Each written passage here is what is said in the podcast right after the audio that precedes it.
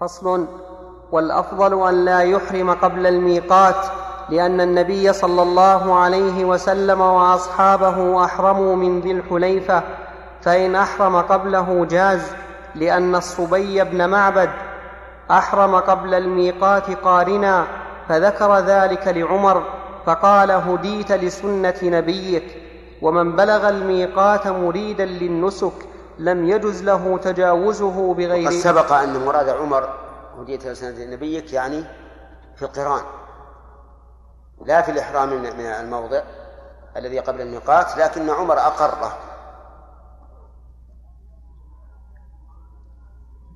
نعم. ومن بلغ الميقات مريدا للنسك لم يجز له تجاوزه بغير إحرام لما تقدم من حديث ابن عباس فإن تجاوزه غير محرم لزم الواقع أن حديث ابن عمر أوضح في وجوب الإحرام. لأن حديث ابن عمر لفظه إيش؟ يهل أهل المدينة وهو خبر بمعنى الأمر. أما حديث ابن عباس فهو يقول وقت وهذا ليس صريحا في, في, في الوجوب. ولهذا لم نقل إن الإنسان يجب عليه أن يأخذ شعره الذي يستحب أخذه آه قبل أن يتم له أربعون, أربعون يوما مع أن الرسول وقت في ذلك أربعين يوما. نعم. ومن بلغ الميقات مريدا للنسك لم يجز له تجاوزه بغير إحرام لما تقدم من حديث ابن عباس فإن تجاوزه غير محرم لزمه الرجوع ليحرم منه لأن من قدر على فعل الواجب لزمه فإن رجع فأحرم منه فلا دم عليه لأنه أدى الواجب فأشبه من لم يتجاوزه فإن لم يمكنه الرجوع لخوف أو خشية الفوات فأحرم من موضعه. أو أحرم من موضعه.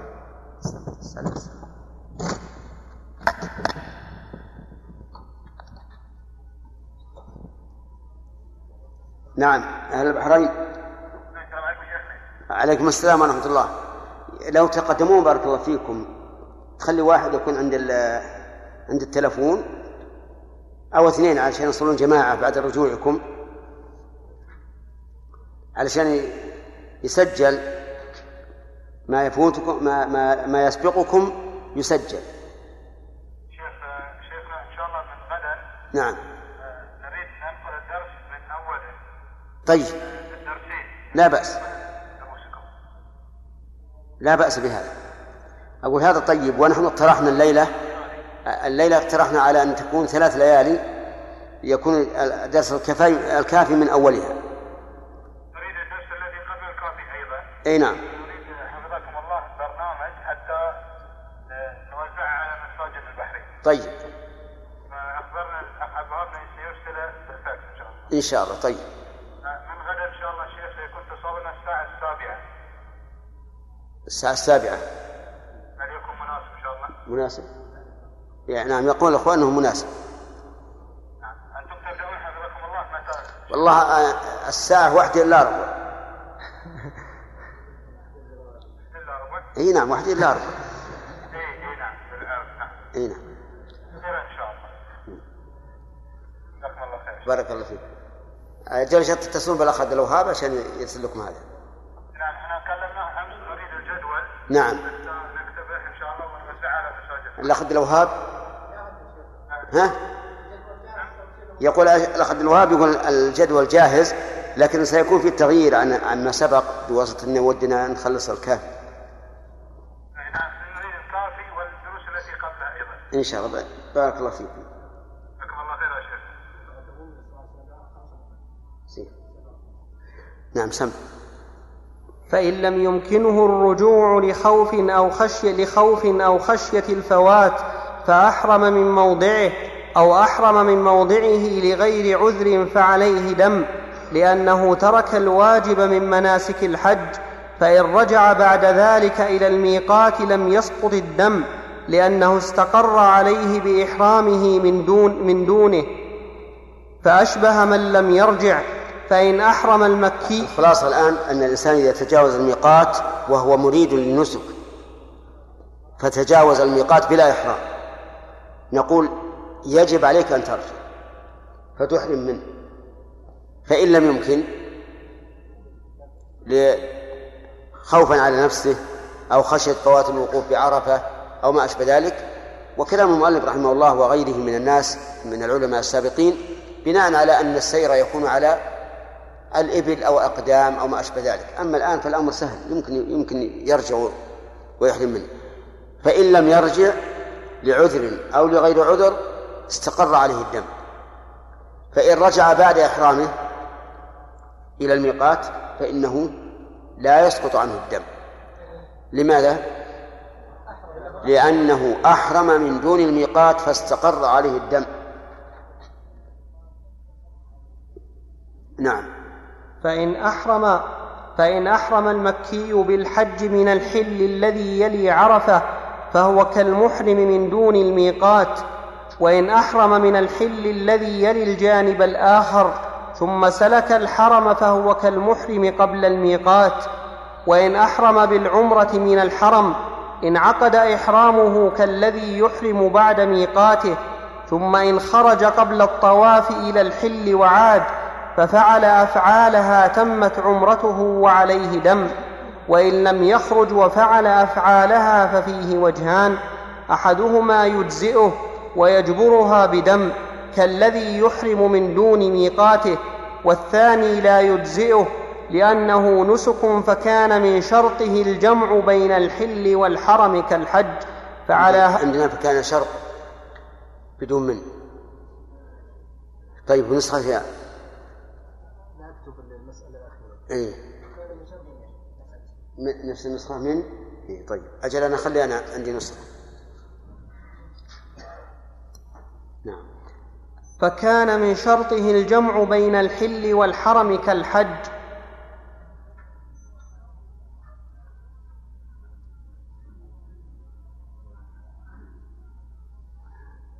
فعلى هذا لا لا يعتد بأفعاله وهو باق على إحرامه حتى يخرج إلى الحل ثم يأتي إليه ثم يأتي بها. مسكوك الظاهر. نعم.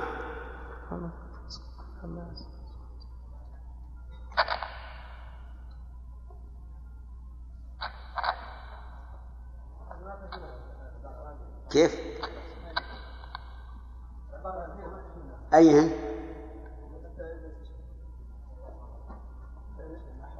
كله؟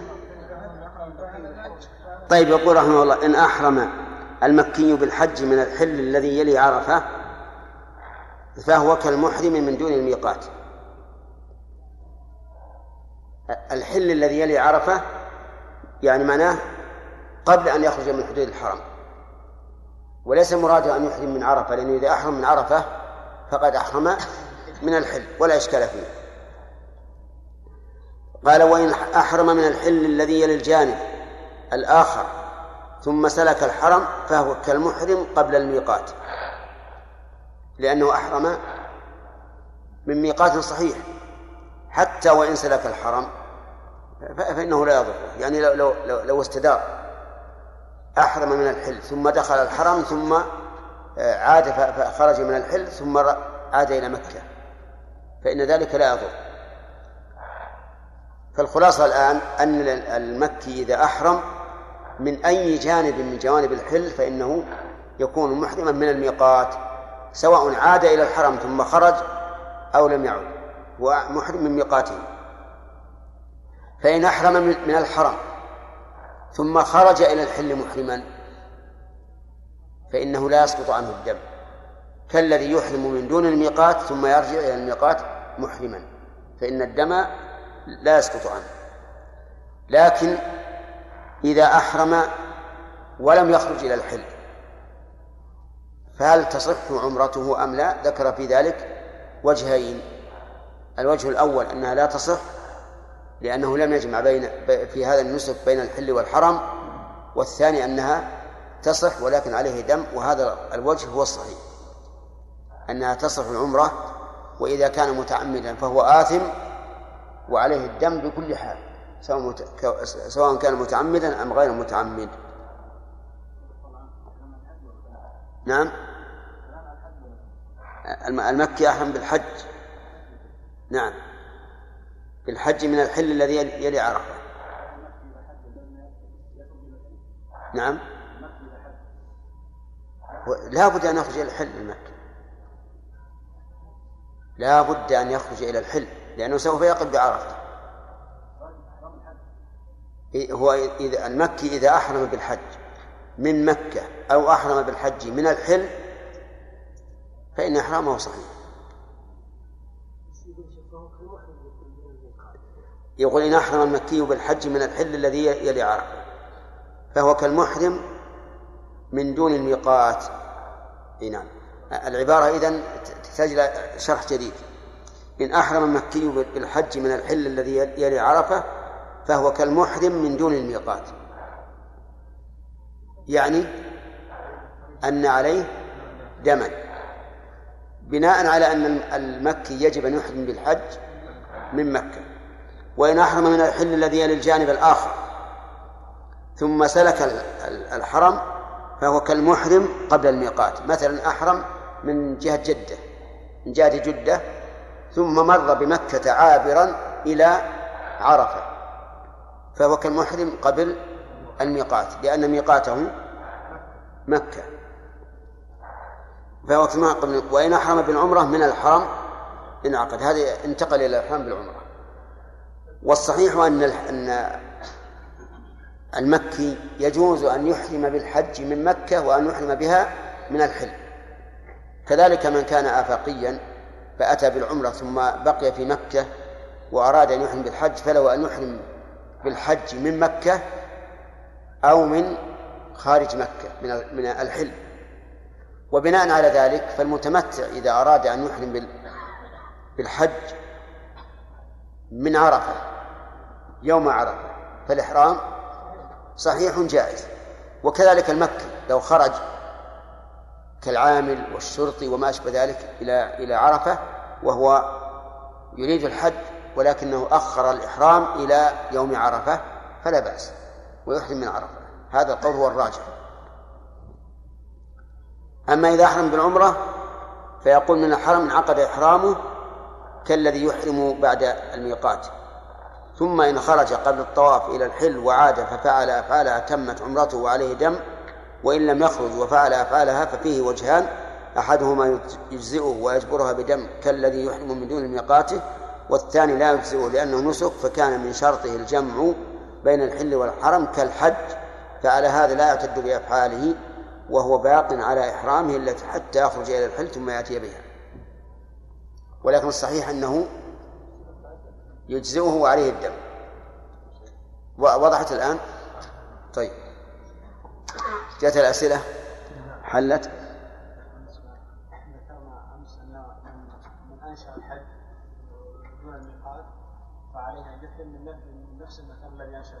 نعم.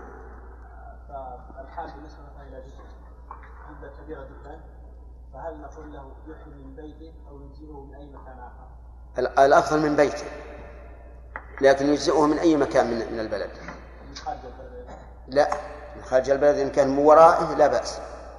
إن كان من دونه إلى مكة فلا يجوز. نعم. شيخ بارك الله فيك ما رأيكم في من يقول أن بالنسبة للطائرة الآن صعب إذا حاد الميقات يعني يقول مثلا أن يحرم في بلاده من حين أن تبدأ أن تقلع الطائرة. ويقول أن من من بعض معاني دون عدم الاستطاعة. كقولك مثلا دون وصولك إلي خط قتاد أو شيء من هذا. يستدل بنفس الحديث يعني. ومن كان دون ذلك. إيه، يعني من لم يستطع. لا هذا هذا تحريف للحديث. لا والأمر سهل. يعني سهل على الإنسان إذا قدر ما بين بلده إلى مكة بساعة وأن الميقات في النصف. يكون إذا مضى نصف ساعة أحرم. بل إذا مضى ثلث ساعة أحرم ما في مانع. لكن قولكم في من قال الذي قلته. ما تحريف للحديث. اي ما في شك. لأن الرسول وقتها ثم قال ومن كان دون ذلك. نعم.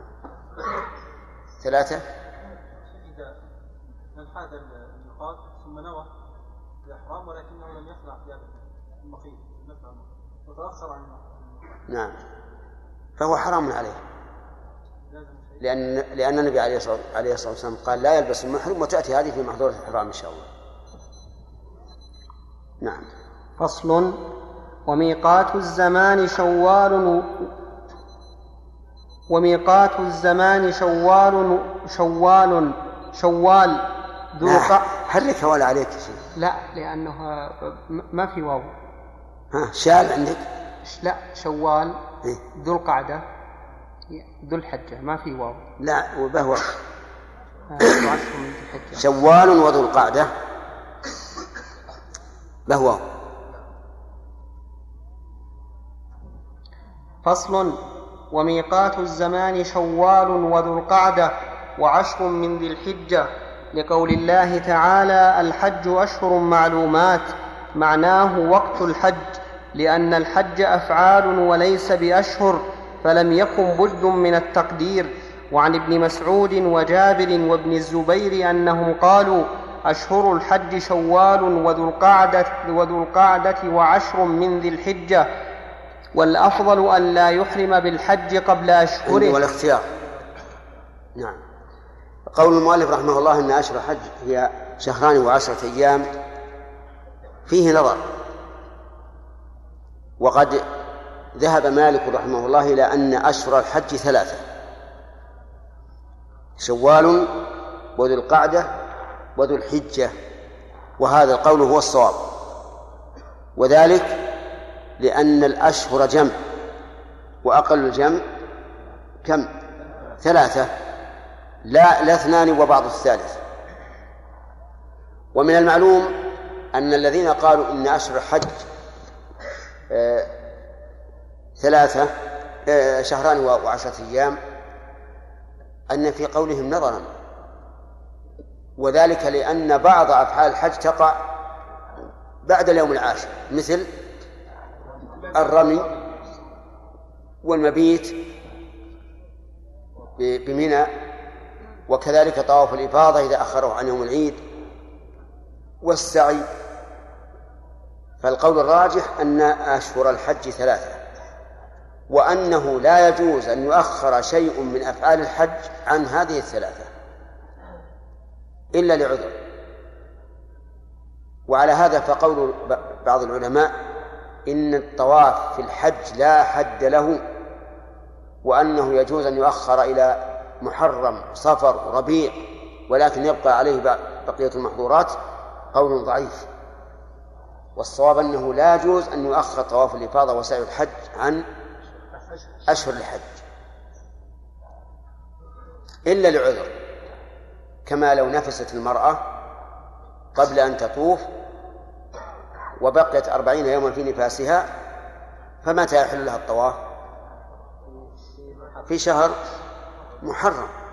هذا عذر ولا بأس به. أو كان مريضا لا يستطيع أن يطوف وأخره إلى ما بعد ذي الحجة فلا بأس. نعم. والأفضل أن لا يحرم بالحج قبل عندنا والاختيار. وضعت نسخة نسخة لا بأس. طيب.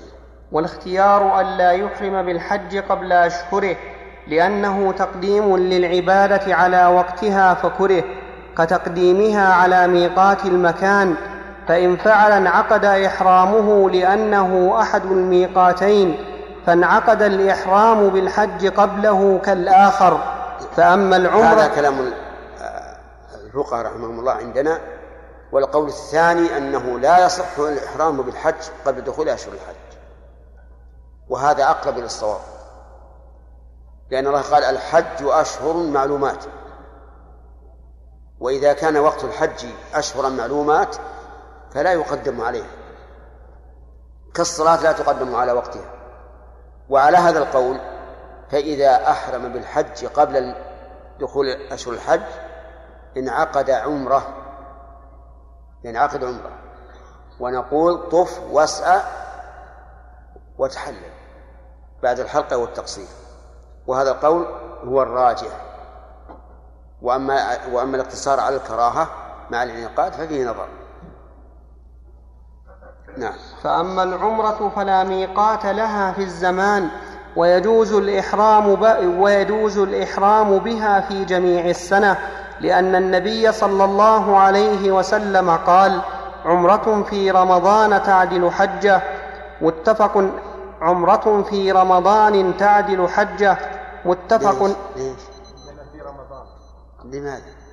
شيخ لأنها نكرة؟ نكرة. لا مراد رمضان. اسم الشهر يعني نعم. عمرة في رمضان تعدل حجة. متفق عليه. واعتمر في ذي القعدة وفي ذي الحجة مع حجته. رواه أنس وهو حديث صحيح. نعم. العمرة ليس لها وقت. تفعل في أي وقت من السنة. وظاهر كلام المؤلف وغيره أيضا أنه يجوز أن يعتمر الإنسان بعد التحلل الأول من الحج. يعني يعتمر في آه، أيام التشريق. وكره بعض العلماء أن يعتمر قبل انتهاء أعمال الحج. فلا عمرة في أيام التشريق ولا في ليالي أيام التشريق ولا قبل الطواف والسعي.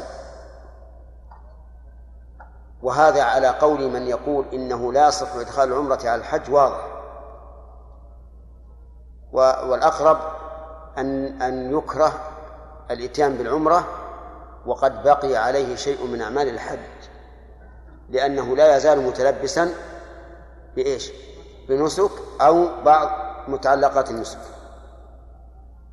وقول رحمه الله آه، إن النبي صلى الله عليه وسلم قال عمرة في رمضان تعدل حجة ليس المراد بالمعادلة المكافأة. فلا تجزئ عمرة في رمضان عن فريضة الحج مثلا. لأنه لا يلزم من المعادلة في الثواب المعادلة في الإجزاء. ولهذا من قال لا إله إلا الله وحده لا شريك له له الملك وله الحمد وهو على كل شيء قدير عشر مرات كان كمن أعتق أربعة أنفس من ولد إسماعيل. ولا تجزئ هذه الكلمات عن عن رقبة واحدة. وقل هو الله أحد أحد تعدل ثلث القرآن. ولو كررها ثلاثا لم تجزي عن عن القرآن. بل لا بل لا تجزي ولا عن الفاتحة. لو لم لو لم يقرأ الفاتحة في الصلاة. وقوله اعتمر في ذي القعدة. ثم قال وفي ذي الحجة. الصواب أنه لم يعتمر في ذي الحجة. وإنما كانت عمرته في ذي القعدة كلها.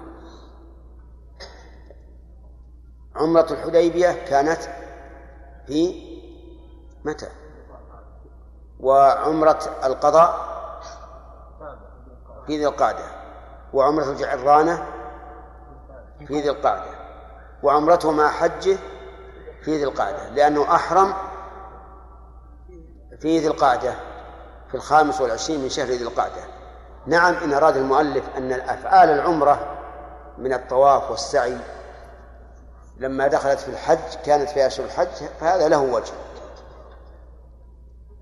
إذا اعتمر الرسول صلى الله عليه وسلم كم عمرة؟ أربعة. أربع وقد تردد ابن القيم رحمه الله أيما أفضل أن يعتمر في أشهر الحج أو في رمضان. فقال هذا محل يعني توقف فيه رحمه الله. لأن النبي صلى الله عليه وسلم اعتمر في ذي القعدة. وقال عمرة في رمضان تعدل حجة لامرأة تخلفت عن حجه عن حجها معه. فيحتمل الخصوصية لها. كما قال بذلك بعض العلماء قال إن قوله عمرة في رمضان تعدل حجة يعني هذه المرأة فقط. لكن الأصل عدم الخصوصية إلا أن كون الرسول عليه الصلاة والسلام لم يعتمر في رمضان مع تيسره له قد يقول قائل إن العمرة في أشهر الحج أفضل. ولكن الذي يظهر لي أن العمرة في أشهر الحج أفضل في عهد الرسول عليه الصلاة والسلام لما كان العرب قد تقرر عندهم في عقيدتهم أنه لا لا اعتمار في أشهر الحج ويرون أن العمرة في أشهر الحج من أفجر الفجور. فكرر النبي صلى الله عليه وسلم العمرة في أشهر الحج من أجل ترسيخ آه، الجواز في أشهر الحج وإبطال تلك العقيدة. وأما كونه لم يعتمر في في رمضان فيقال إن الرسول عليه الصلاة والسلام ليس كسائر الناس. لو اعتمر لاعتمر الناس معه. وحصل في ذلك مشقة على الناس في أيام الصيام والرحيل والنزول فلهذا تركه عليه الصلاة والسلام.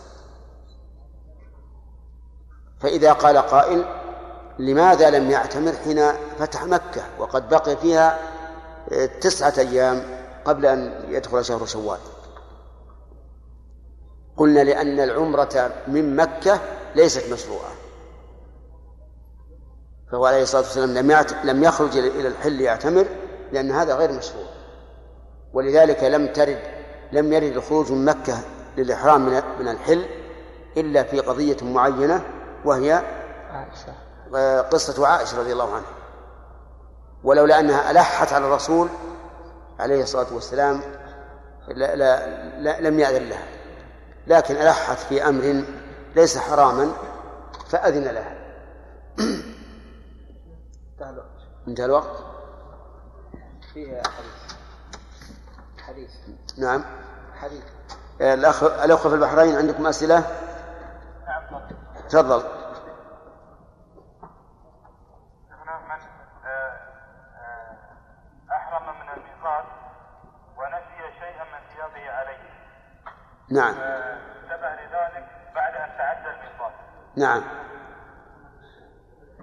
آه، الحكم في من أحرم ونسي لباسه عليه ثم تذكر في أثناء المسير أن يخلع هذه الثياب ويستمر.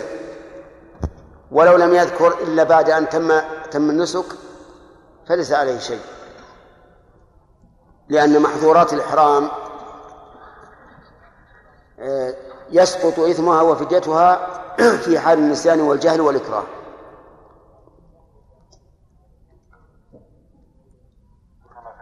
نعم. شيخنا قبل السؤال الثاني عندنا أسئلة كثيرة عن الحج وهناك أسئلة عن غير الحج. فهل عندنا زيادة في عدد الأسئلة؟ حتى أو نقدم الأهم فالله آه، الآن ائتي بأسئلة الحج ونشوف آه، الشيخ رجل حج حج مع أمه وما استطاعت الأم أن تطوف طواف الإفاضة. وهو ظنا منه أنه يستطيع أن يؤخر طواف ال- الوداع وقد طاف طواف الإفاضة.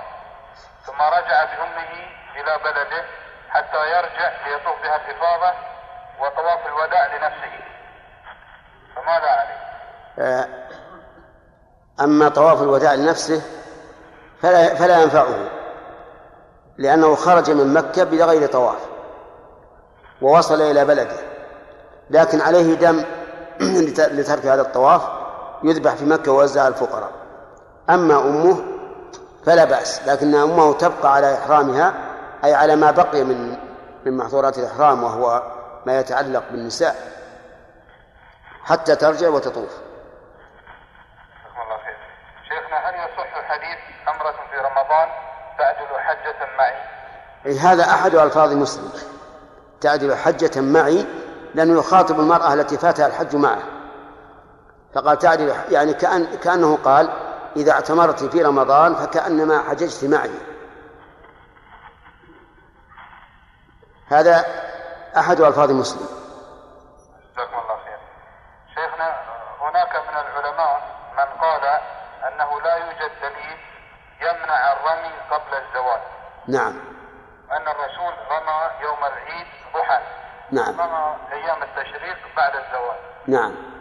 خاصة أن كثير من أهل العلم آه، سمحوا بالرمي بعد المغرب. نعم.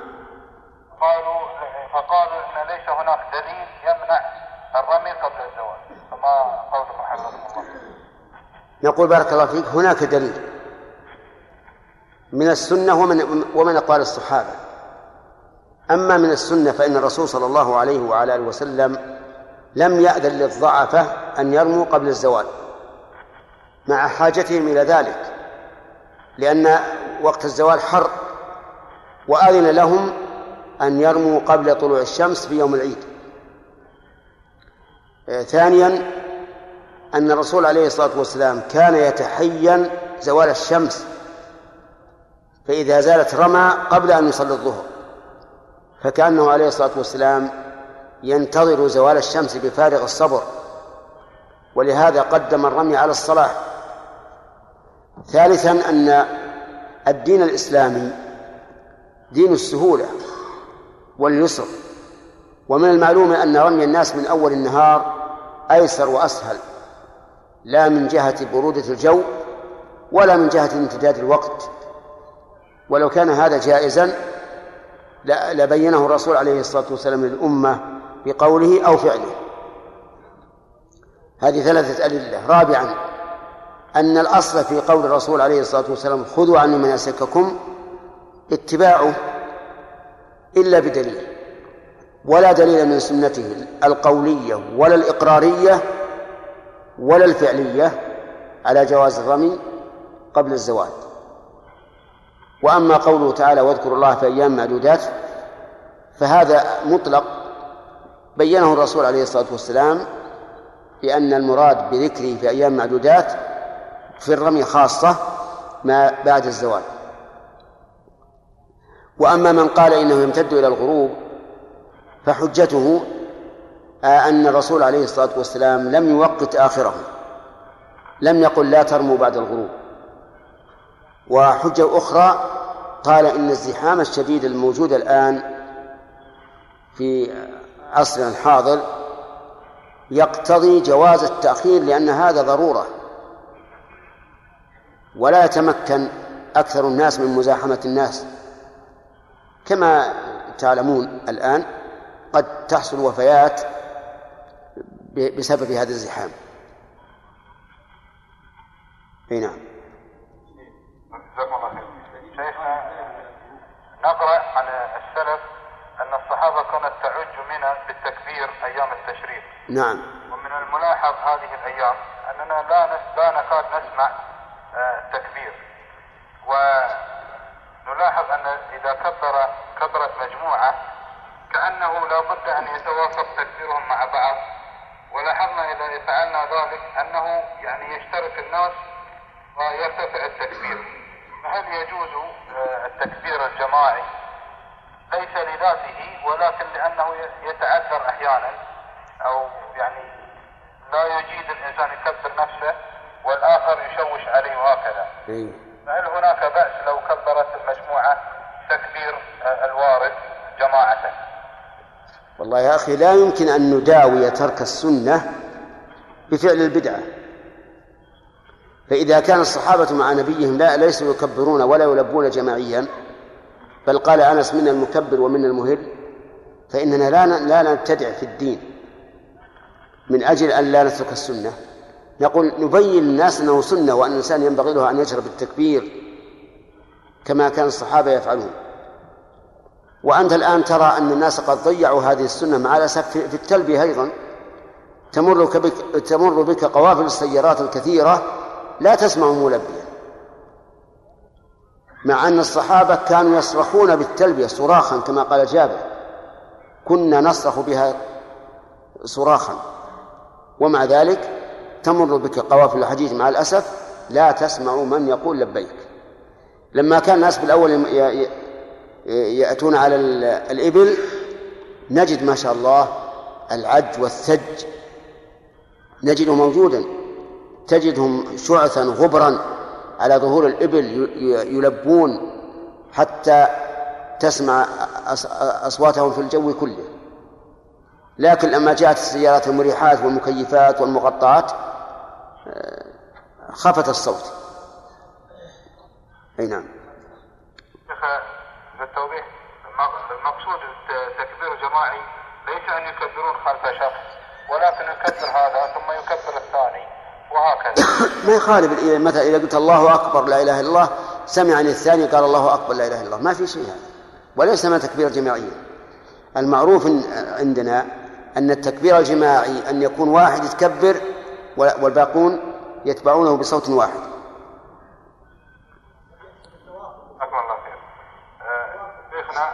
عندنا آه، في أيام الحج يكثر طبعا النساء أن يأتيها الحيض آه، قبل طواف الوداع. نعم. لم نكن قريبين مسافة من مكة لكن معظم الناس قادرون أن يذهبوا إلى بلادهم ثم يرجعوا بعد الظهور الو- قبل الوداع ولا قبل طواف الإفاضة؟ طواف الإفاضة. إيه. فهل يجوز لهن أن يطفن وهن حيض أم يجب عليهن أن يرجعن إلى بلادهن ثم يرجعن طواف الإفاضة؟ أما التي يسهل عليها أن ترجع. يعني مثل أن تكون في هنا في المملكة السعودية فلا يجوز لها أن تطوف حائضا. تخرج مع أهلها وتبقى على ما بقي من إحرامها فإذا طهرت رجعت مع محرمها. وأما التي لا يمكن أن ترجع إلا بمشقة كالبلاد الأخرى التي تحتاج إلى إلى جواز وإلى إجراءات فهذه لها أن تتحفظ يعني تلبس حفاظة ثم تطوف ولا حرج عليها. هذا القول هو أرجح الأقوال. نعم. يا شيخنا توضيح آه، بالنسبة لسؤال سئلتم إياه آه، بالأمس عن تأجير السجل آه، التوضيح هو حفظكم الله تأجير إيش؟ هنا في البحرين. لا توجد سجلات جديدة. تأجير السجل؟ سجلات جديدة لرخص يعني جديدة لمقاولي حج. نعم. ثم أن التأجير هذا إذا كان رسميا موثقا من قبل الحكومة يعني تأذن به الحكومة ليس مخالفة قانونية لأن سجلات جديدة لا توجد وبعض المقاولين تعب يعني من من العمل فيؤجر السجل. وهذا مسموح به يعني قانونيا ويوثق في وزارة العدل فهل يجوز في مثل هذه الحالة؟ وإذا وثق في وزارة العدل نعم. أقول إذا وثق في وزارة العدل فاحملوا عليهم بذمتهم. نعم. نعم جزاكم الله خير أو كان م- مسموح به رسميا هو لابد إنه اذا إذا وثق في وزارة العدل لابد أن يكون فيه مس... أن يكون مسموحا به. نعم الوزارة ما يمكن توثق شيء غير مسموح به. أحيانا لا يوثق ولكن الوزارة تعلم ويعلمون أنه مسموح به. لا لابد يؤخذ رأيها. نعم الرأي مو- نعم. نعم. جزاكم الله خير بارك الله فيك. سؤال. نريد توضيح لمن عليه دين هل يجب على الحج؟ وتفصيل المثال. الذي ضربتموه قبل الليلة الماضية نعم. إذا كان الإنسان عليه دين وهو واثق من أنه إذا رجع من الحج يقضيه في وقت حلوله فلا بأس أن يحج. وأما إذا كان الدين حالا أو كان لا لا يثق من نفسه أن يقضيه فلا يحج حتى يقضيه. عندنا واحد مراقب على الأسئلة. يشير بيده. سؤال سؤالان مهمان لأن حدث أننا اليوم سؤال في الحقيقة قلنا نسألكم حفظكم الله. آه، رجل آه، جارنا وإياكم زنى في امرأة ثم أراد الآن أن يتزوج بابنتها. وأبو هذا الرجل يعلم بهذه الحادثة فمنع ثم الآن هو يسأل هل يجوز له أن يسمح للابن أن يتزوج بنت التي زنى بها؟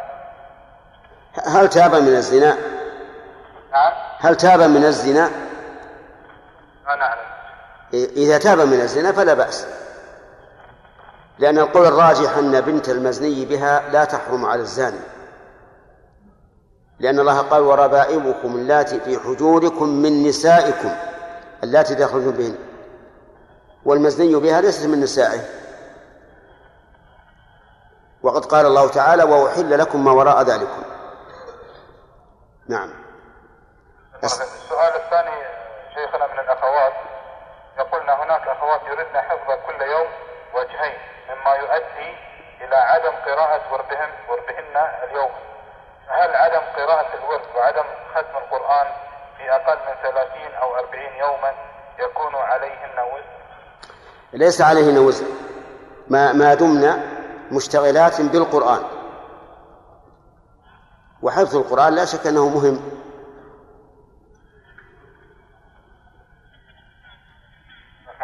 هل يقدم الحفظ على القراءة يا شيخنا؟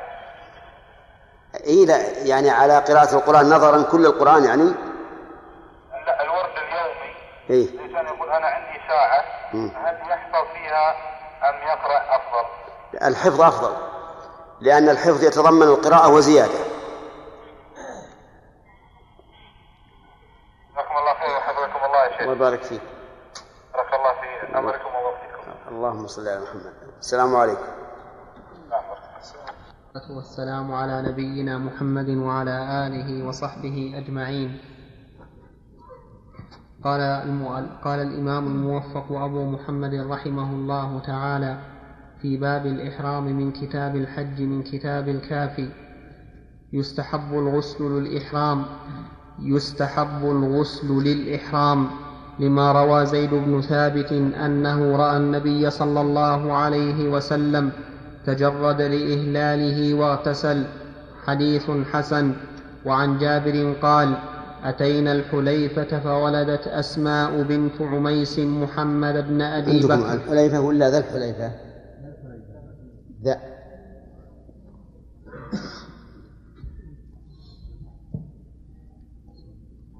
نعم. وعن جابر قال أتينا ذا الحليفة فولدت أسماء بنت عميس محمد بن أبي بكر فأرسلت إلى رسول الله صلى الله عليه وسلم كيف أصنع؟ قال اغتسلي ثم استثفري بثوب ثم أحرمي رواه مسلم. فإن لم يجد ماء لم أنا عندي بالواو. اغتسلي واستثفري بثوب ثم أحرمي كلها؟ كلها بالواو. طيب. وهذا اللي نحفظ. نعم. فإن لم يجد ماء لم يتيمم لأنه غسل مسنون. شيخ أنا أحس أن أن الصوت قوي في في إذنك؟ في إذني. منين يجي هذا؟ هذا ممكن توقف عن إذنك نعم.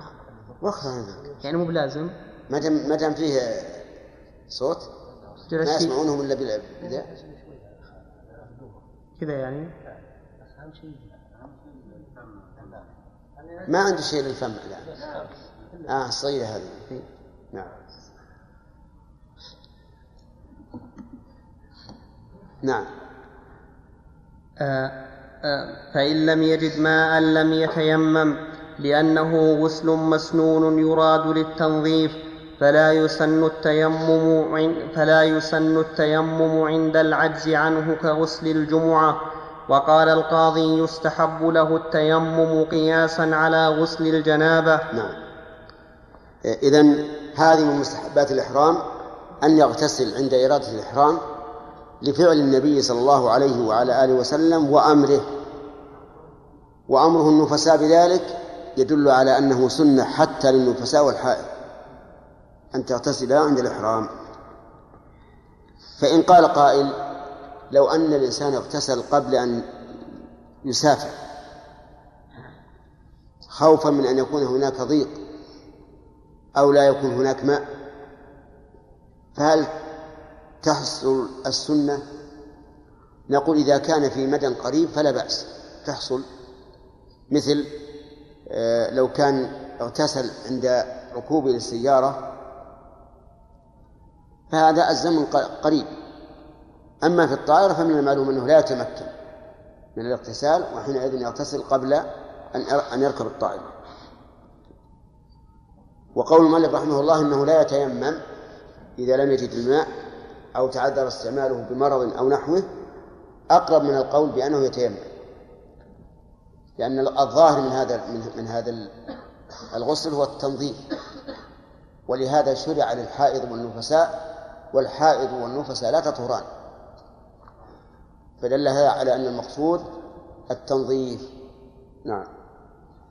وقال القاضي ويستحب له التنظيف بإزالة الشعر والشعث وقطع الرائحة وتقليم الأظافر لأن الغسل شرع لذلك ثم يتجرد من المخيط هذا إذا كانت إذا احتاج إلى ذلك. يعني إذا كان الشعر وافر عنده في في الشارب في الأبط في العانة. وأما إذا لم يحتج كما لو كان أزال ذلك عن قرب فلا فلا حاجة. لأن النبي صلى الله عليه وسلم لم يأمر بذلك.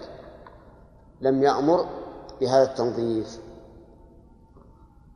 نعم. ثم يتجرد من المخيط في إزار ورداء أبيضين نظيفين جديدين أو غسيلين. لما روى ابن عمر لما روى ابن عمر أن رسول الله صلى الله عليه وسلم قال وليحرم أحدكم في إزار ورداء ونعلين ويستحب أن يتطيب في بدنه لما روت عائشة رضي الله عنها قالت كنت أطيب رسول الله صلى الله عليه وسلم لإحرامه قبل أن يحرم ولحله قبل أن يطوف بالبيت. وقالت كأني أنظر إلى وبيص الطيب في مفارق رسول الله صلى الله عليه وسلم وهو محرم متفق عليهما. ولا يتطيب في ثوبه فإن فعل فله استدامته حتى ينزعه فمتى نزعه ثم لبسه فعليه الفدية لأن الإحرام يمنع ابتداء الطيب دون استدامته. طيب هذا هذا ما ذهب إليه المؤلف رحمه الله أنه لا يتطيب في ثوبه وهذا النفي يحتمل التحريم ويحتمل الكراهة. ومعلوم أنه إن كان بعد عقد الإحرام فهو للتحريم. وأما قبل عقد الإحرام فقيل إنه للكراهة وقيل للتحريم. والصحيح أنه لا يجوز أن يلبس الإحرام المطيب. لأن النبي صلى الله عليه وسلم نهى عن ذلك. قال لا يلبس ثوبا مسه الزعفران ولا الورس. فالصواب أنه لا يجوز أن يطيب ثوب الإحرام. أما البدن فيطيبه كما ذكر حديث عائشة رضي الله عنها أنها كانت تطيب النبي صلى الله عليه وعلى آله وسلم لإحرامه قبل أن يحرم. نعم. ولو نقل ولو نقل الطيب عن بدنه من موضع إلى موضع آخر فعليه الفدية وإن سال بالحر وغيره إلى موضع آخر فلا فدية عليه لأنه ليس من جهته. انتقال الطين من الموضع الذي تطيب به أولا له ثلاث حالات. الحالة الأولى أن يتعمد نقله ليتسع المكان المطيب من البدن. والحالة الثانية أن يسيل الطيب بنفسه. والحالة الثالثة أن لا يتعمد نقله ولكنه يكون من ضروريات عمله المشروع. أما الأول فلا شك أنه حرام عليه أن يتعمد نقل الطيب من موضع إلى موضع ليتسع إيش؟ مكان الطيب. مثل أن يأخذ الطيب من رأسه ويضعه على عضده أو على كفيه أو على صدره فهذا حرام. والحالة الثانية إذا سال الطيب على بدنه فإن ذلك لا شيء عليه. لأن هذا كان معروفا في عهد النبي صلى الله عليه وعلى آله وسلم ولا بد منه ولا سيما في أيام الحر. الحالة الثالثة أن ينقله لعمل مشروع بدون قصد مثل أن يتوضأ ويمسح رأسه المضمخ بالطيب فمن المعلوم أنه سوف إيش؟ سوف يعلق بيده. فهذا ظاهر كلام المؤلف أن عليه الفدية والصحيح أنه لا فدية عليه ولا شيء عليه لأن النبي صلى الله عليه وعلى آله وسلم كان ينظر وبيص المسك في رأسه وهو محرم وكان يغتسل وهو محرم ويخلل شعره بيده وهو محرم. ولازم ذلك أن يعلق بيده. ثم هو أيضا من الحرج. من الحرج أن نقول إنه إذا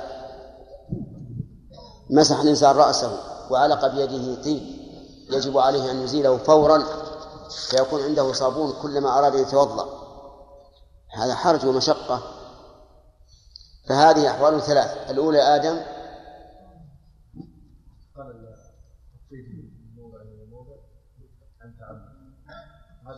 عن عمد من أجل؟ نجد هذا لا يجوز نعم. ثاني نعم أن ينتقل الطيب بعمل مشروع لا. لا نجيب الشيء الواضح قبل. بنفسه.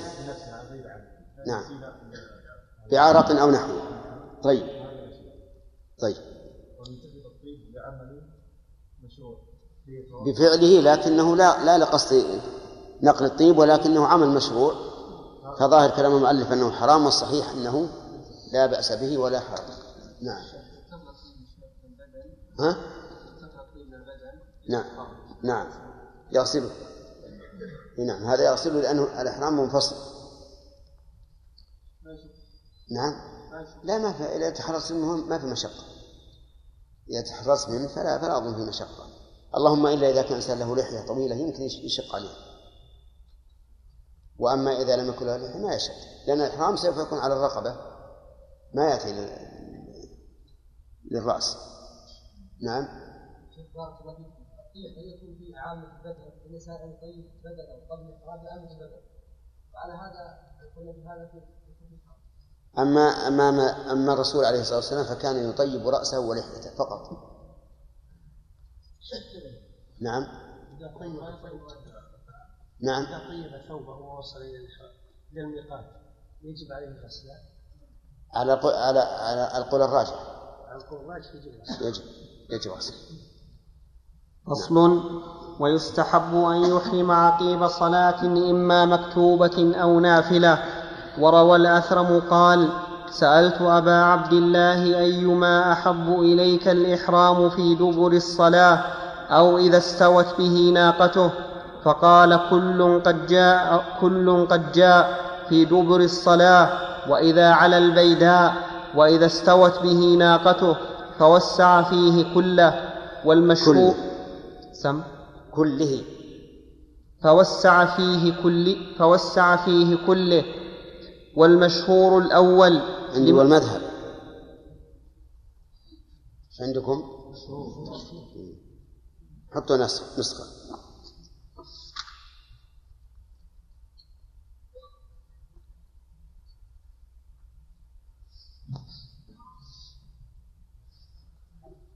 والمذهب الأول لما روى سعيد بن جبير قال ذكرت لابن عباس إهلال رسول الله صلى الله عليه وسلم فقال أوجب رسول الله صلى الله عليه وسلم حين فرغ من صلاته ثم خرج فلما ركب رسول الله صلى الله عليه وسلم ناقته واستوت به. عندنا راحلته نسخة.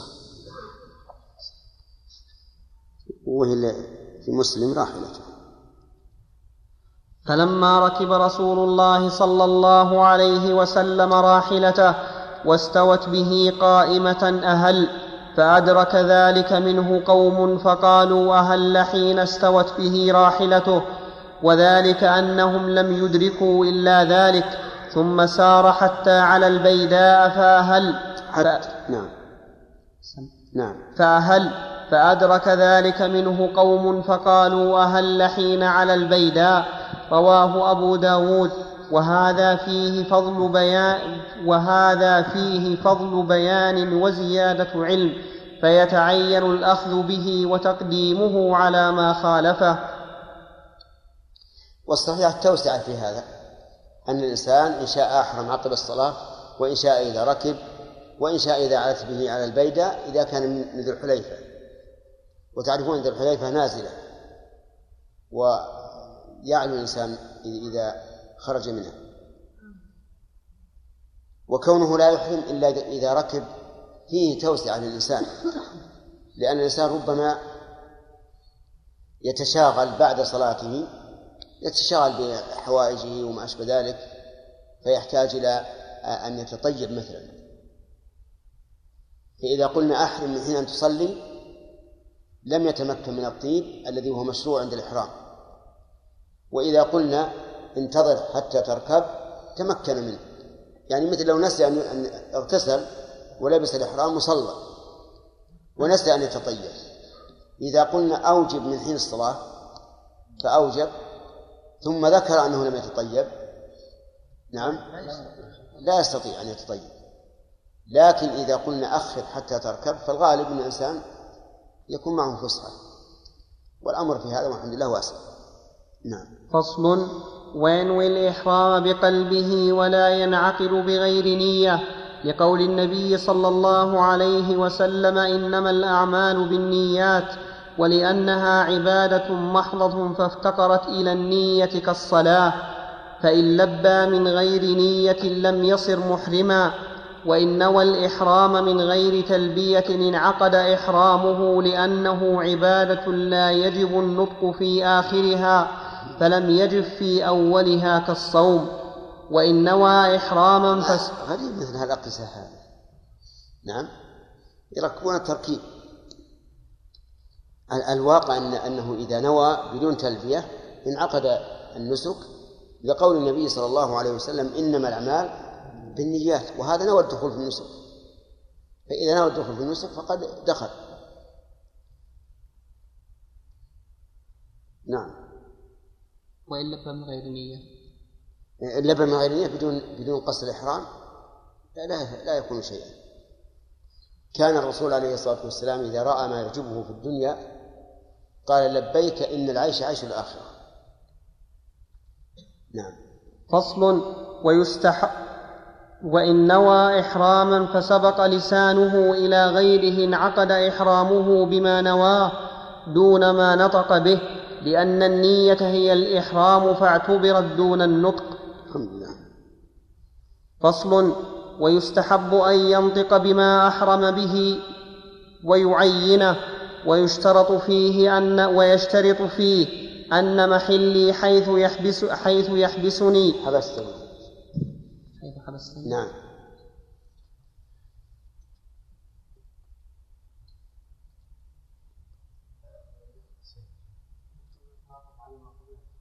اللي هي؟ أن محلي حيث حبستني أي أين الفعل؟ يشترط بالنصب.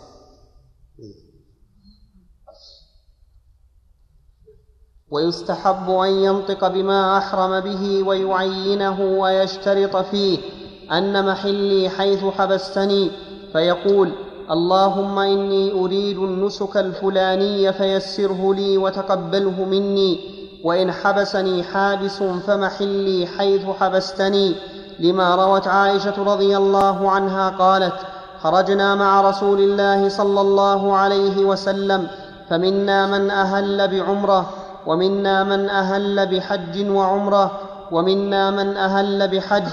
وعنها قالت دخل النبي صلى الله عليه وسلم على ضباعة بنت الزبير فقالت يا رسول الله إني أريد الحج وأنا شاكية. فقال حجي واشترطي أن محلي حيث حبستني متفق عليهما ويفيد هذا الشرط شيئين أحدهما أنه متى عاقه من مرض أو غيره. عائق. متى عاقه عائق.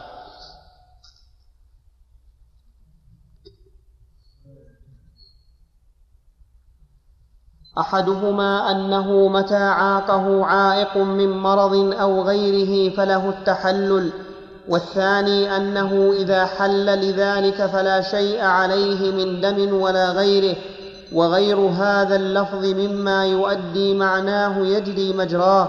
قال ابن مسعود اللهم إني أريد العمرة إن تيسرت لي وإلا فلا حرج علي.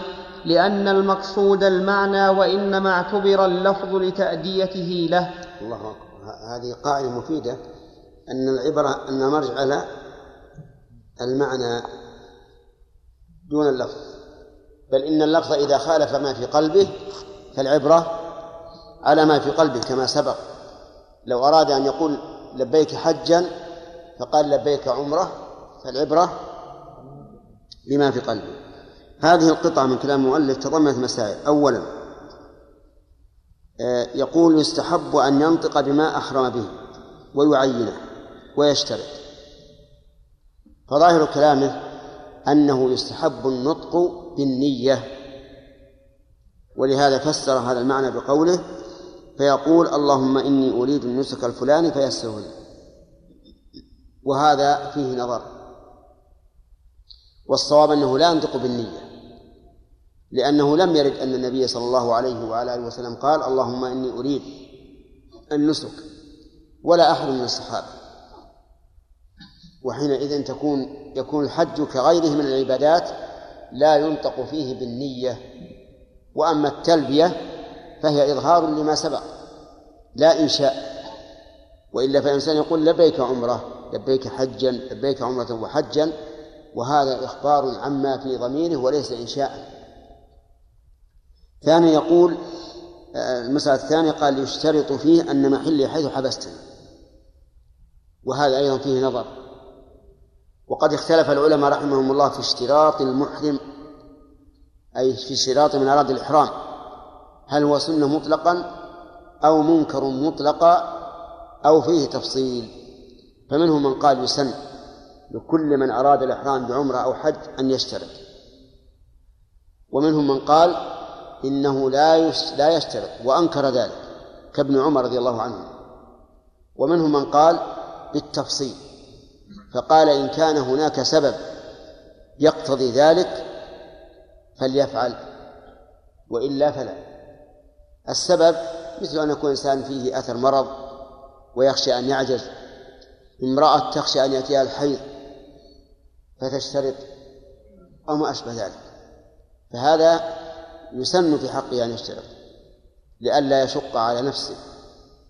ولأن النبي صلى الله عليه وسلم قال لضباعة بنت الزبير قال حجي واشترطي أن محلي حيث حبستني.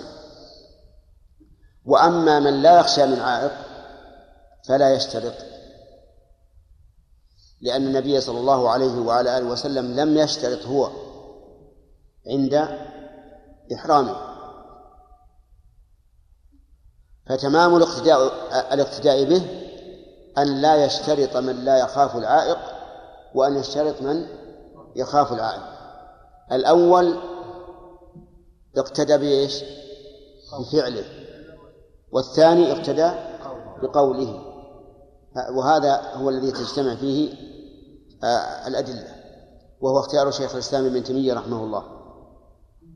بقي أن يقال الحوادث في هذه في هذا الزمان كثيرة وعلى هذا فنقول كل من أراد أن يحرم فليشترط. فيقال هذا غير صحيح.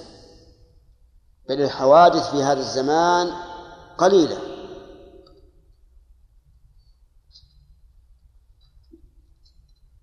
لأنك لو أحصيت السيارات وما فيها من ركاب لوجدت العدد الهائل ولنقل أن إن الحجاج مليون نفر. قد يموت مئة نفر من من الحوادث فما نسبة من مئة للمليون؟ ليس بالشيء ثم إن الحوادث موجودة في عهد الرسول عليه الصلاة والسلام فها هو الرجل الذي وقصته ناقته في عرفة. الحوادث موجودة في كل زمان. وعلى هذا فنقول الأفضل أن لا تشترط. ولكن لو اشترطت وقلنا بأن الاشتراط ليس بسنة فهل ينفعك؟ الظاهر لا. لا ينفع.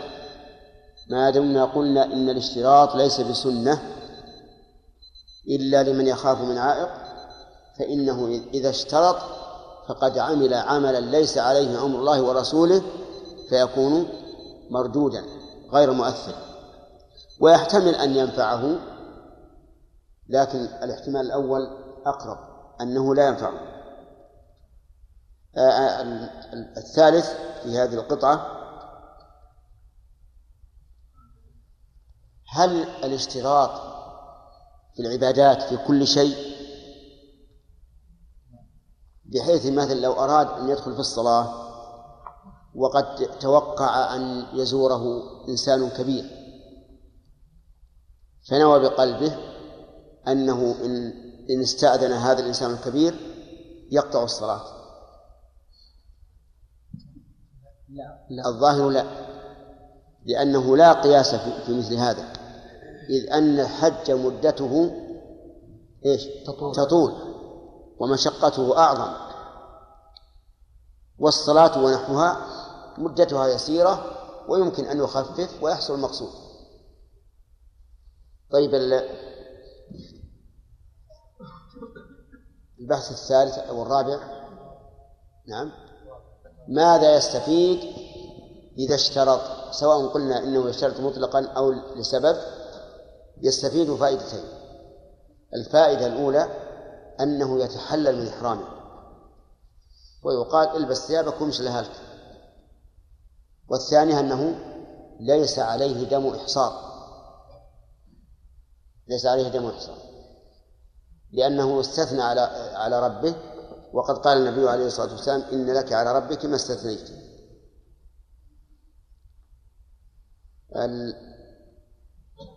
الخامس وهو من أهم ما في هذه القطعة أن العبرة بالألفاظ بإيش؟ بمعانيها. وما دلت عليه. وهذه القاعدة يجب أن تطرد في كل شيء في العبادات والمعاملات في الأنكحة والبيوع والأوقاف وغيرها. وبناء على ذلك نقول لو زوج ابنته بقوله ملكتك بنتي فقال قبلت. فإن القول الراجح أن النكاح ينعقد لأن هذا هو المعنى. ولو قال خليت امرأتي فهو طلاق صريح. لأن هذا هو العرف.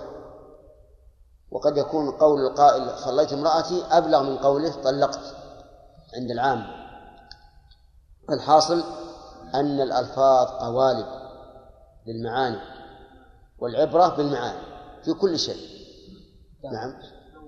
انتهى الوقت فأتى إيش؟ نعم لا بأس. الأخذ بالعموم. يقول حجاج إنه انتهى الوقت. ثلاث أسئلة؟ طيب لا مانع. بارك الله فيكم. ما فهمت وجه إنكارنا على الإمام ابن قدامة في مسألة أن العبادة تفتقر إلى نية وأنه متى متى نوى ولم يلبي انعقد إحرامه. فأما إذا لبى ولم ينوي لم ينعقد إحرامه. ذكرنا أن لا لا ما هذا لكن قياس على الصوم. ما فهمت القياس قلنا ما يحتاج قياس. عند النص حديث. إنما الأعمال بالنيات وإنما لكل امرئ ما نوى أما هذا التعليل اللي هو ذكر رحمه الله فيقول لأنها عبادة محضه فافتقر لا. وان والاحرام من من غير تلبية انعقد إحرام. لأنه عبادة لا يجب النطق في آخرها. فلم يجب في أولها كالصوت إيش الكلام. ما هو صحيح. أكثر العبادات ما فيها يعني تعيين النطق في أولها. فالعلة هو إنما الأعمال بالنيات وإنما لكل امرئ ما نوى.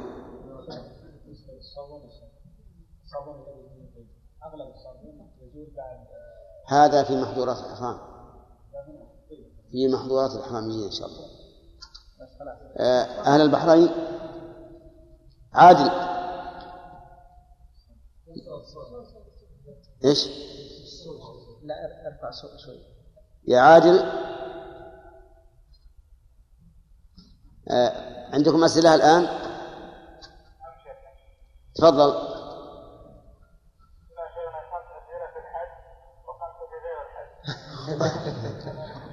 كثير كثير عشرة يا شيخ. مع عندنا الليلة لقاء هنا في الجامع. طيب آه، هذه عشرة. وعندنا مثل لا أدري هل هو عندكم أو لا. يقولون كلام العاقل ينقص النصف. أعطنا ثلاثة في الحج واثنين في غيره.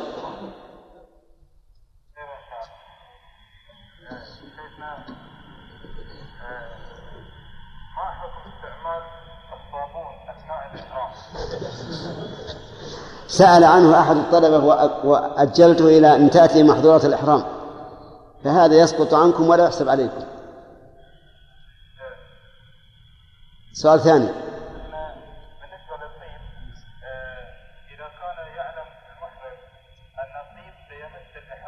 نعم. يعني جزء في بدنه اخر فهل اذا لبس الاحرام ومسه طيب ونزعه يجوز ان يلبسه مره ثانية؟ لا. نحن قلنا يتحرز لأنه لأنه لأن الواقع أنه يمكن يتحرز عن الطيب في في في, في الإحرام. إذ أن الطيب يكون في الرأس وفي اللحية. فيتحرز ما أمكنه. وإذا وإذا قدرنا شق عليه فالظاهر أنه مع المشقة يسقط يسقط الحرج. نعم. هل يجوز للمشترط ان يفسخ حجه اذا خشي المرض أو راى علاماته؟ هل يجوز إيش؟ المشترط نعم. حج واشترط. نعم. ان يفسخ حجه أو يحل من إحرامه. إذا خشي المرض يعني أو رأى علامات المرض. لا. لا يجوز أن يتحلل من إحرامه إلا إذا تحقق المرض الذي لا يتمكن معه من إتمام النسك.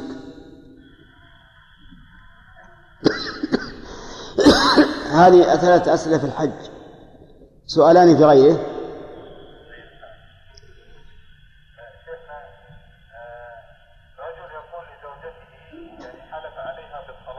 نعم.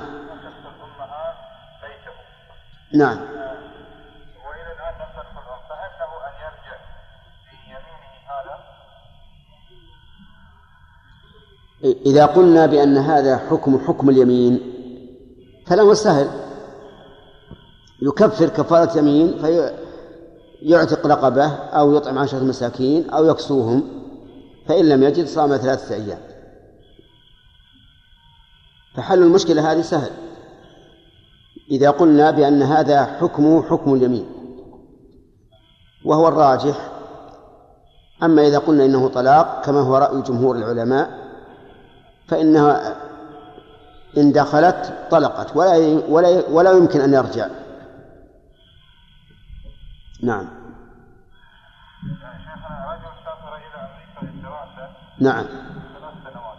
نعم فيها لأنه كان يرى نفسه انه متلبس بكثير من المعاصي ثم انه يجد نفسه الوحيد الذي يصوم علما ان زوجته كانت تصوم وعلما أيضا انه لم يكن يترك الصلاه الا أحيانا جدا وكان يجمع طول مده بقائه فما الحكم في تركه للصيام ثلاث سنوات بحجه انه على سفر وله الرخصه الرخصه لذلك ولم يكن يعني يطولا في العباده نعم وقد مضى على رجوعه إلى البحرين أكثر من سنه صام صام أو لا؟ يصوم الآن السنوات التي مضت. هو فيها في البحرين فما حكم الذي فاته من الصيام؟ هل يقضي أما على ما على ما نراه في المسألة فإن المسافرين للدراسة في حكم المسافرين حتى يرجعوا إلى بلادهم. لكننا لا نرى أن أن يؤخر صيام رمضان لأنه يترا- تتراكم عليه الشهور وربما يشق عليه و- ويعجز ويترك. لكن بناء على الأمر الآن واقع بالنسبة لهذا الرجل نقول له صم ال- الأشهر الثلاثة التي تركتها واستغفر الله. وليس عليه كفارة. الخامس ولا السادس لا بما فيه اسم الله تعالى طيب ما في معنى هو السادس لكن زن وأرجح ما يخالف. تفضل. ما سمعنا جواب يا شيخ لا, لا ما ما فهمت السؤال أنا. ما أجبت.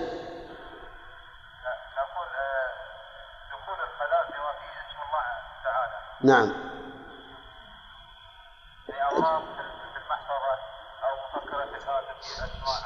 ما فيها بأس هذه حاجة ولا بأس بها.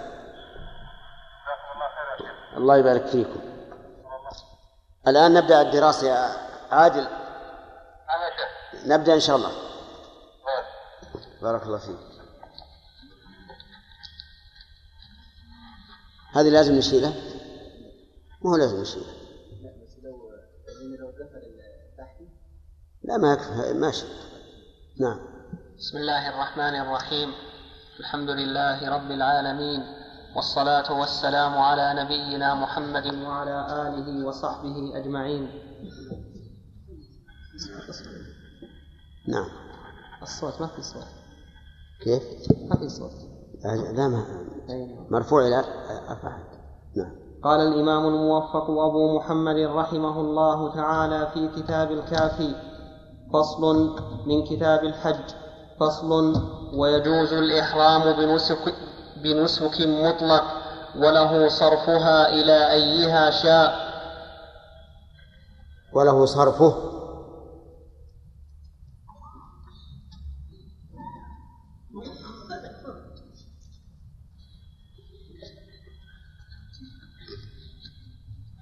وله صرفه إلى أيها شاء. وإن أحرم بمثل ما عندي إلى أيهما النسخ عندكم هكذا؟ وإلى أيها أحسن لأن الأنساك ثلاثة. قران وإفراد وتمتع. نعم. وله صرفه إلى أيها شاء وإن أحرم بمثل ما أحرم به فلان. صح لما روى أبو موسى قال قدمت على رسول الله صلى الله عليه وسلم وهو منيخ بالبطحاء. نعم. فقال لي بما أهللت. قلت قال قلت لبيك بإهلال كإهلال رسول الله صلى الله عليه وسلم. قال أحسنت. فأمرني فطفت بالبيت وبالصفا والمروة ثم أمرني أن أحل. متفق عليه. ثم إن تبين له ما أحرم به فلان فإحرامه مثله. وإن تبين أن فلانا لم يحرم فله صرفه إلى ما شاء كالمطلق لأنه عقد الإحرام عقد لأنه عقد الإحرام وعلق عين النسك على إحرام فلان فلما لم يحرم فلان بطل التعيين وبقي المطلق.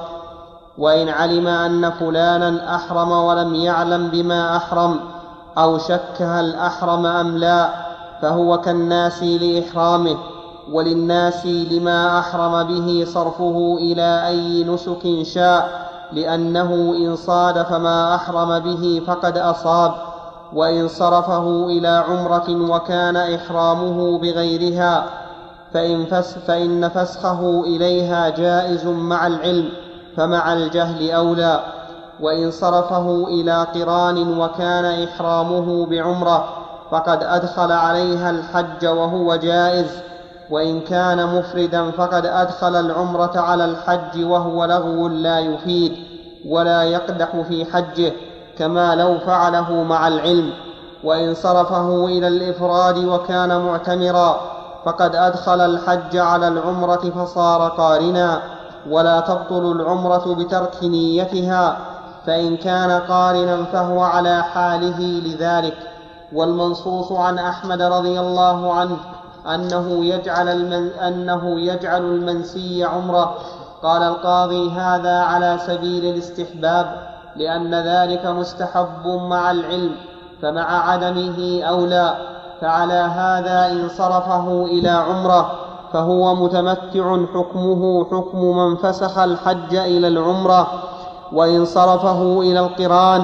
لم يجزئه من العمرة إذ من المحتمل أن يكون مفردا. لم يجزئه من من العمرة. وإن صرفه إلى القران لم يجزئه من العمرة. كذا عندك؟ نعم. عندكم عن؟ إذا عن أحسن. لم يجزمه عن العمرة. الأخ عادل تسمعون زين؟ الحمد لله وإن صرفه إلى القران لم يجزئه عن العمرة إذ من الم... لم وإن صرفه إلى القران لم يجزئه عن العمرة إذ من المحتمل أن يكون مفردا فلم يصح إدخاله العمرة على حجه ولا يلزمه دم القران لأنه شاك فيما يوجبه ويصح له الحج ها هنا وفيما صرفه إلى الإفراد فإن كان شكه بعد الطواف لم يكن صل فإن كان شكه بعد الطواف لم يكن له صرفه إلا إلى العمرة لأن, لأن إدخال الحج على العمرة بعد الطواف غير جائز فإن صرفه إلى إفراد أو قران تحلل بأفعال الحج ولم يجزئه عن واحد من النسكين لأنه شاك في صحته ولا دم عليه للشك فيما يوجبه إلا أن يكون معه هدي فيجزئه عن الحج لأن إدخال الحج على العمرة في حقه جائز بعد الطواف. بسم الله الرحمن الرحيم. هذا الفصل فيه مسائل كثيرة متداخلة وتصويرها قد يكون فيه صعوبة وهو سيأخذ درسا كاملا. لذلك نضرب عنه صفحا. لكن فيه مسألة مهمة وهي هل يجوز للإنسان أن يحرم بمثل ما أحرم به فلان وهو لا يدري؟ والجواب نعم. لأن أبا موسى الأشعري رضي الله عنه أحرم بما أحرم به النبي صلى الله عليه وعلى آله وسلم. وكذلك علي بن أبي طالب أحرم بما أحرم به النبي صلى الله عليه وعلى آله وسلم. وعلى هذا فإذا كان شخص واثقا برجل في علمه ودينه وأحرم بمثل ما أحرم به فلا حرج لأن هذا عمل أجازه النبي صلى الله عليه وعلى آله وسلم. لكن أبا موسى أمره النبي صلى الله عليه وعلى آله وسلم أن يحل متمتعا. وأما علي فقال له إن معي الهدي فلا تحل. فأشركه النبي صلى الله عليه وعلى آله وسلم في هديه ولم يحل لأن من ساق الهدي لا يمكن أن يحل قبل أن يبلغ الهدي محله. فإن فإن جهل ما أحرم به فلان. بمعنى أنه لم يتفق بفلان حتى وصل إلى مكة ولم يدري. فماذا يجعله؟ نقول الأفضل أن تجعله عمرة. لأنه على تقدير أنه أحرم بحج فإن فسخ الحج إلى العمرة جائز. هذا هو الأحسن. لأن النبي صلى الله عليه وعلى آله وسلم أمر أصحابه أن يجعلوها إيش؟ أن يجعلوها عمرة. نعم. مع أن هذا في في عهدنا في فيما أظن قليل الوقوع. نعم. سليم. جاء وقت السؤال. نعم. ها؟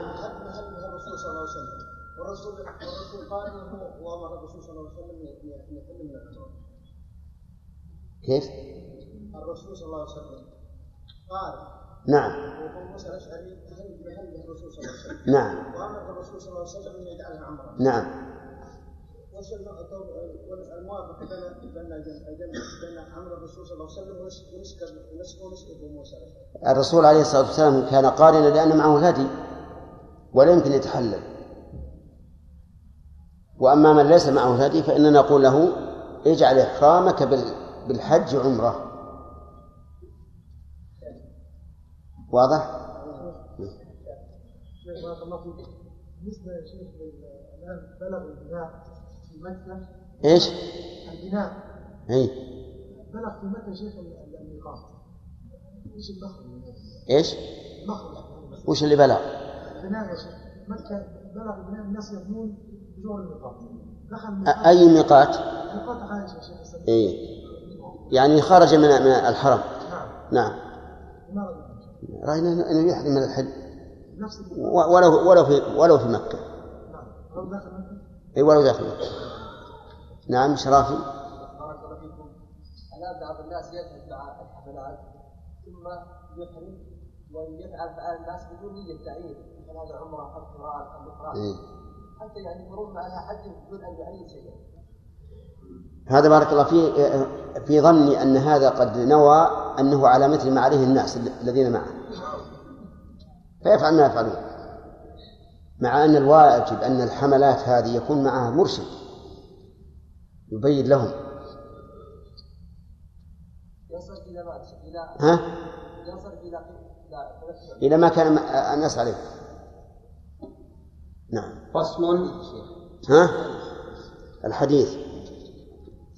نعم. الحديث متفق عليه. في حديث قبل ما ذكرناهوش. ما في ما في. لا في الدرس الماضي. إيه، الدرس الماضي خلوا للماضي. فصل. وإن أحرم بحجتين أو عمرتين انعقد إحرامه بإحداهما ولا يلزمه للأخرى قضاء ولا غيره.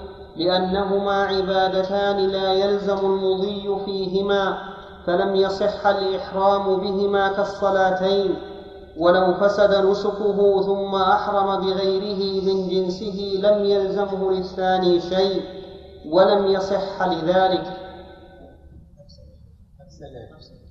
كيف؟ كيف؟ عندنا ولو أفسد كالصلاتين ولو أفسد النسك ولو فسدا نعم. لا نسخة وأفسد أجله نسخة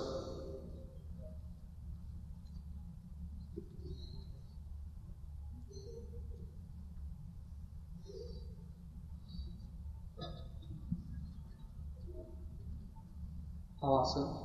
نعم. فواصل. أي نعم. فصل. وهو مخير إن شاء أحرم متمتعا. أو مفردا أو قارنا لحديث عائشة والتمتع هو الإحرام بعمرة من الميقات فإذا فرغ منها أحرم بالحج من مكة في عامه والإفراد الإحرام بالحج مفردا والقران مفردا. الإحرام بالحج مفردا والقران الإحرام بهما معا أو يحرم بالعمرة ثم يدخل عليها أو يحرم نعم. أو يحرم نعم. ال- والقران الإحرام بهما معا أو يحرم بالعمرة ثم يدخل عليها الإحرام بالحج قبل الطواف. لما روت عائشة رضي الله عنها قالت قال لما روت عائشة رضي الله عنها قالت أهللنا بعمرة فقال رسول الله صلى الله عليه وسلم من كان معه هدي فلي- فليحل بالحج مع العمرة. أو فليهل فليهل عندكم فليهلل فليحل. فليحل؟ نعم. لا فليهل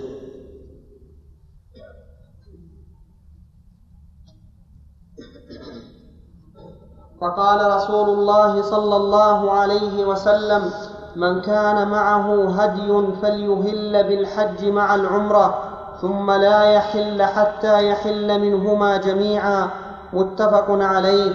فإن أحرم بحج ثم أدخل عليه عمرة لم يصح ولم يصر قارنا لأنه لم يرد بذلك أثر ولا هو في معنى ما جاء به الأثر لأن إحرامه بها لا يزيده عملا على ما لزمه بإحرام الحج.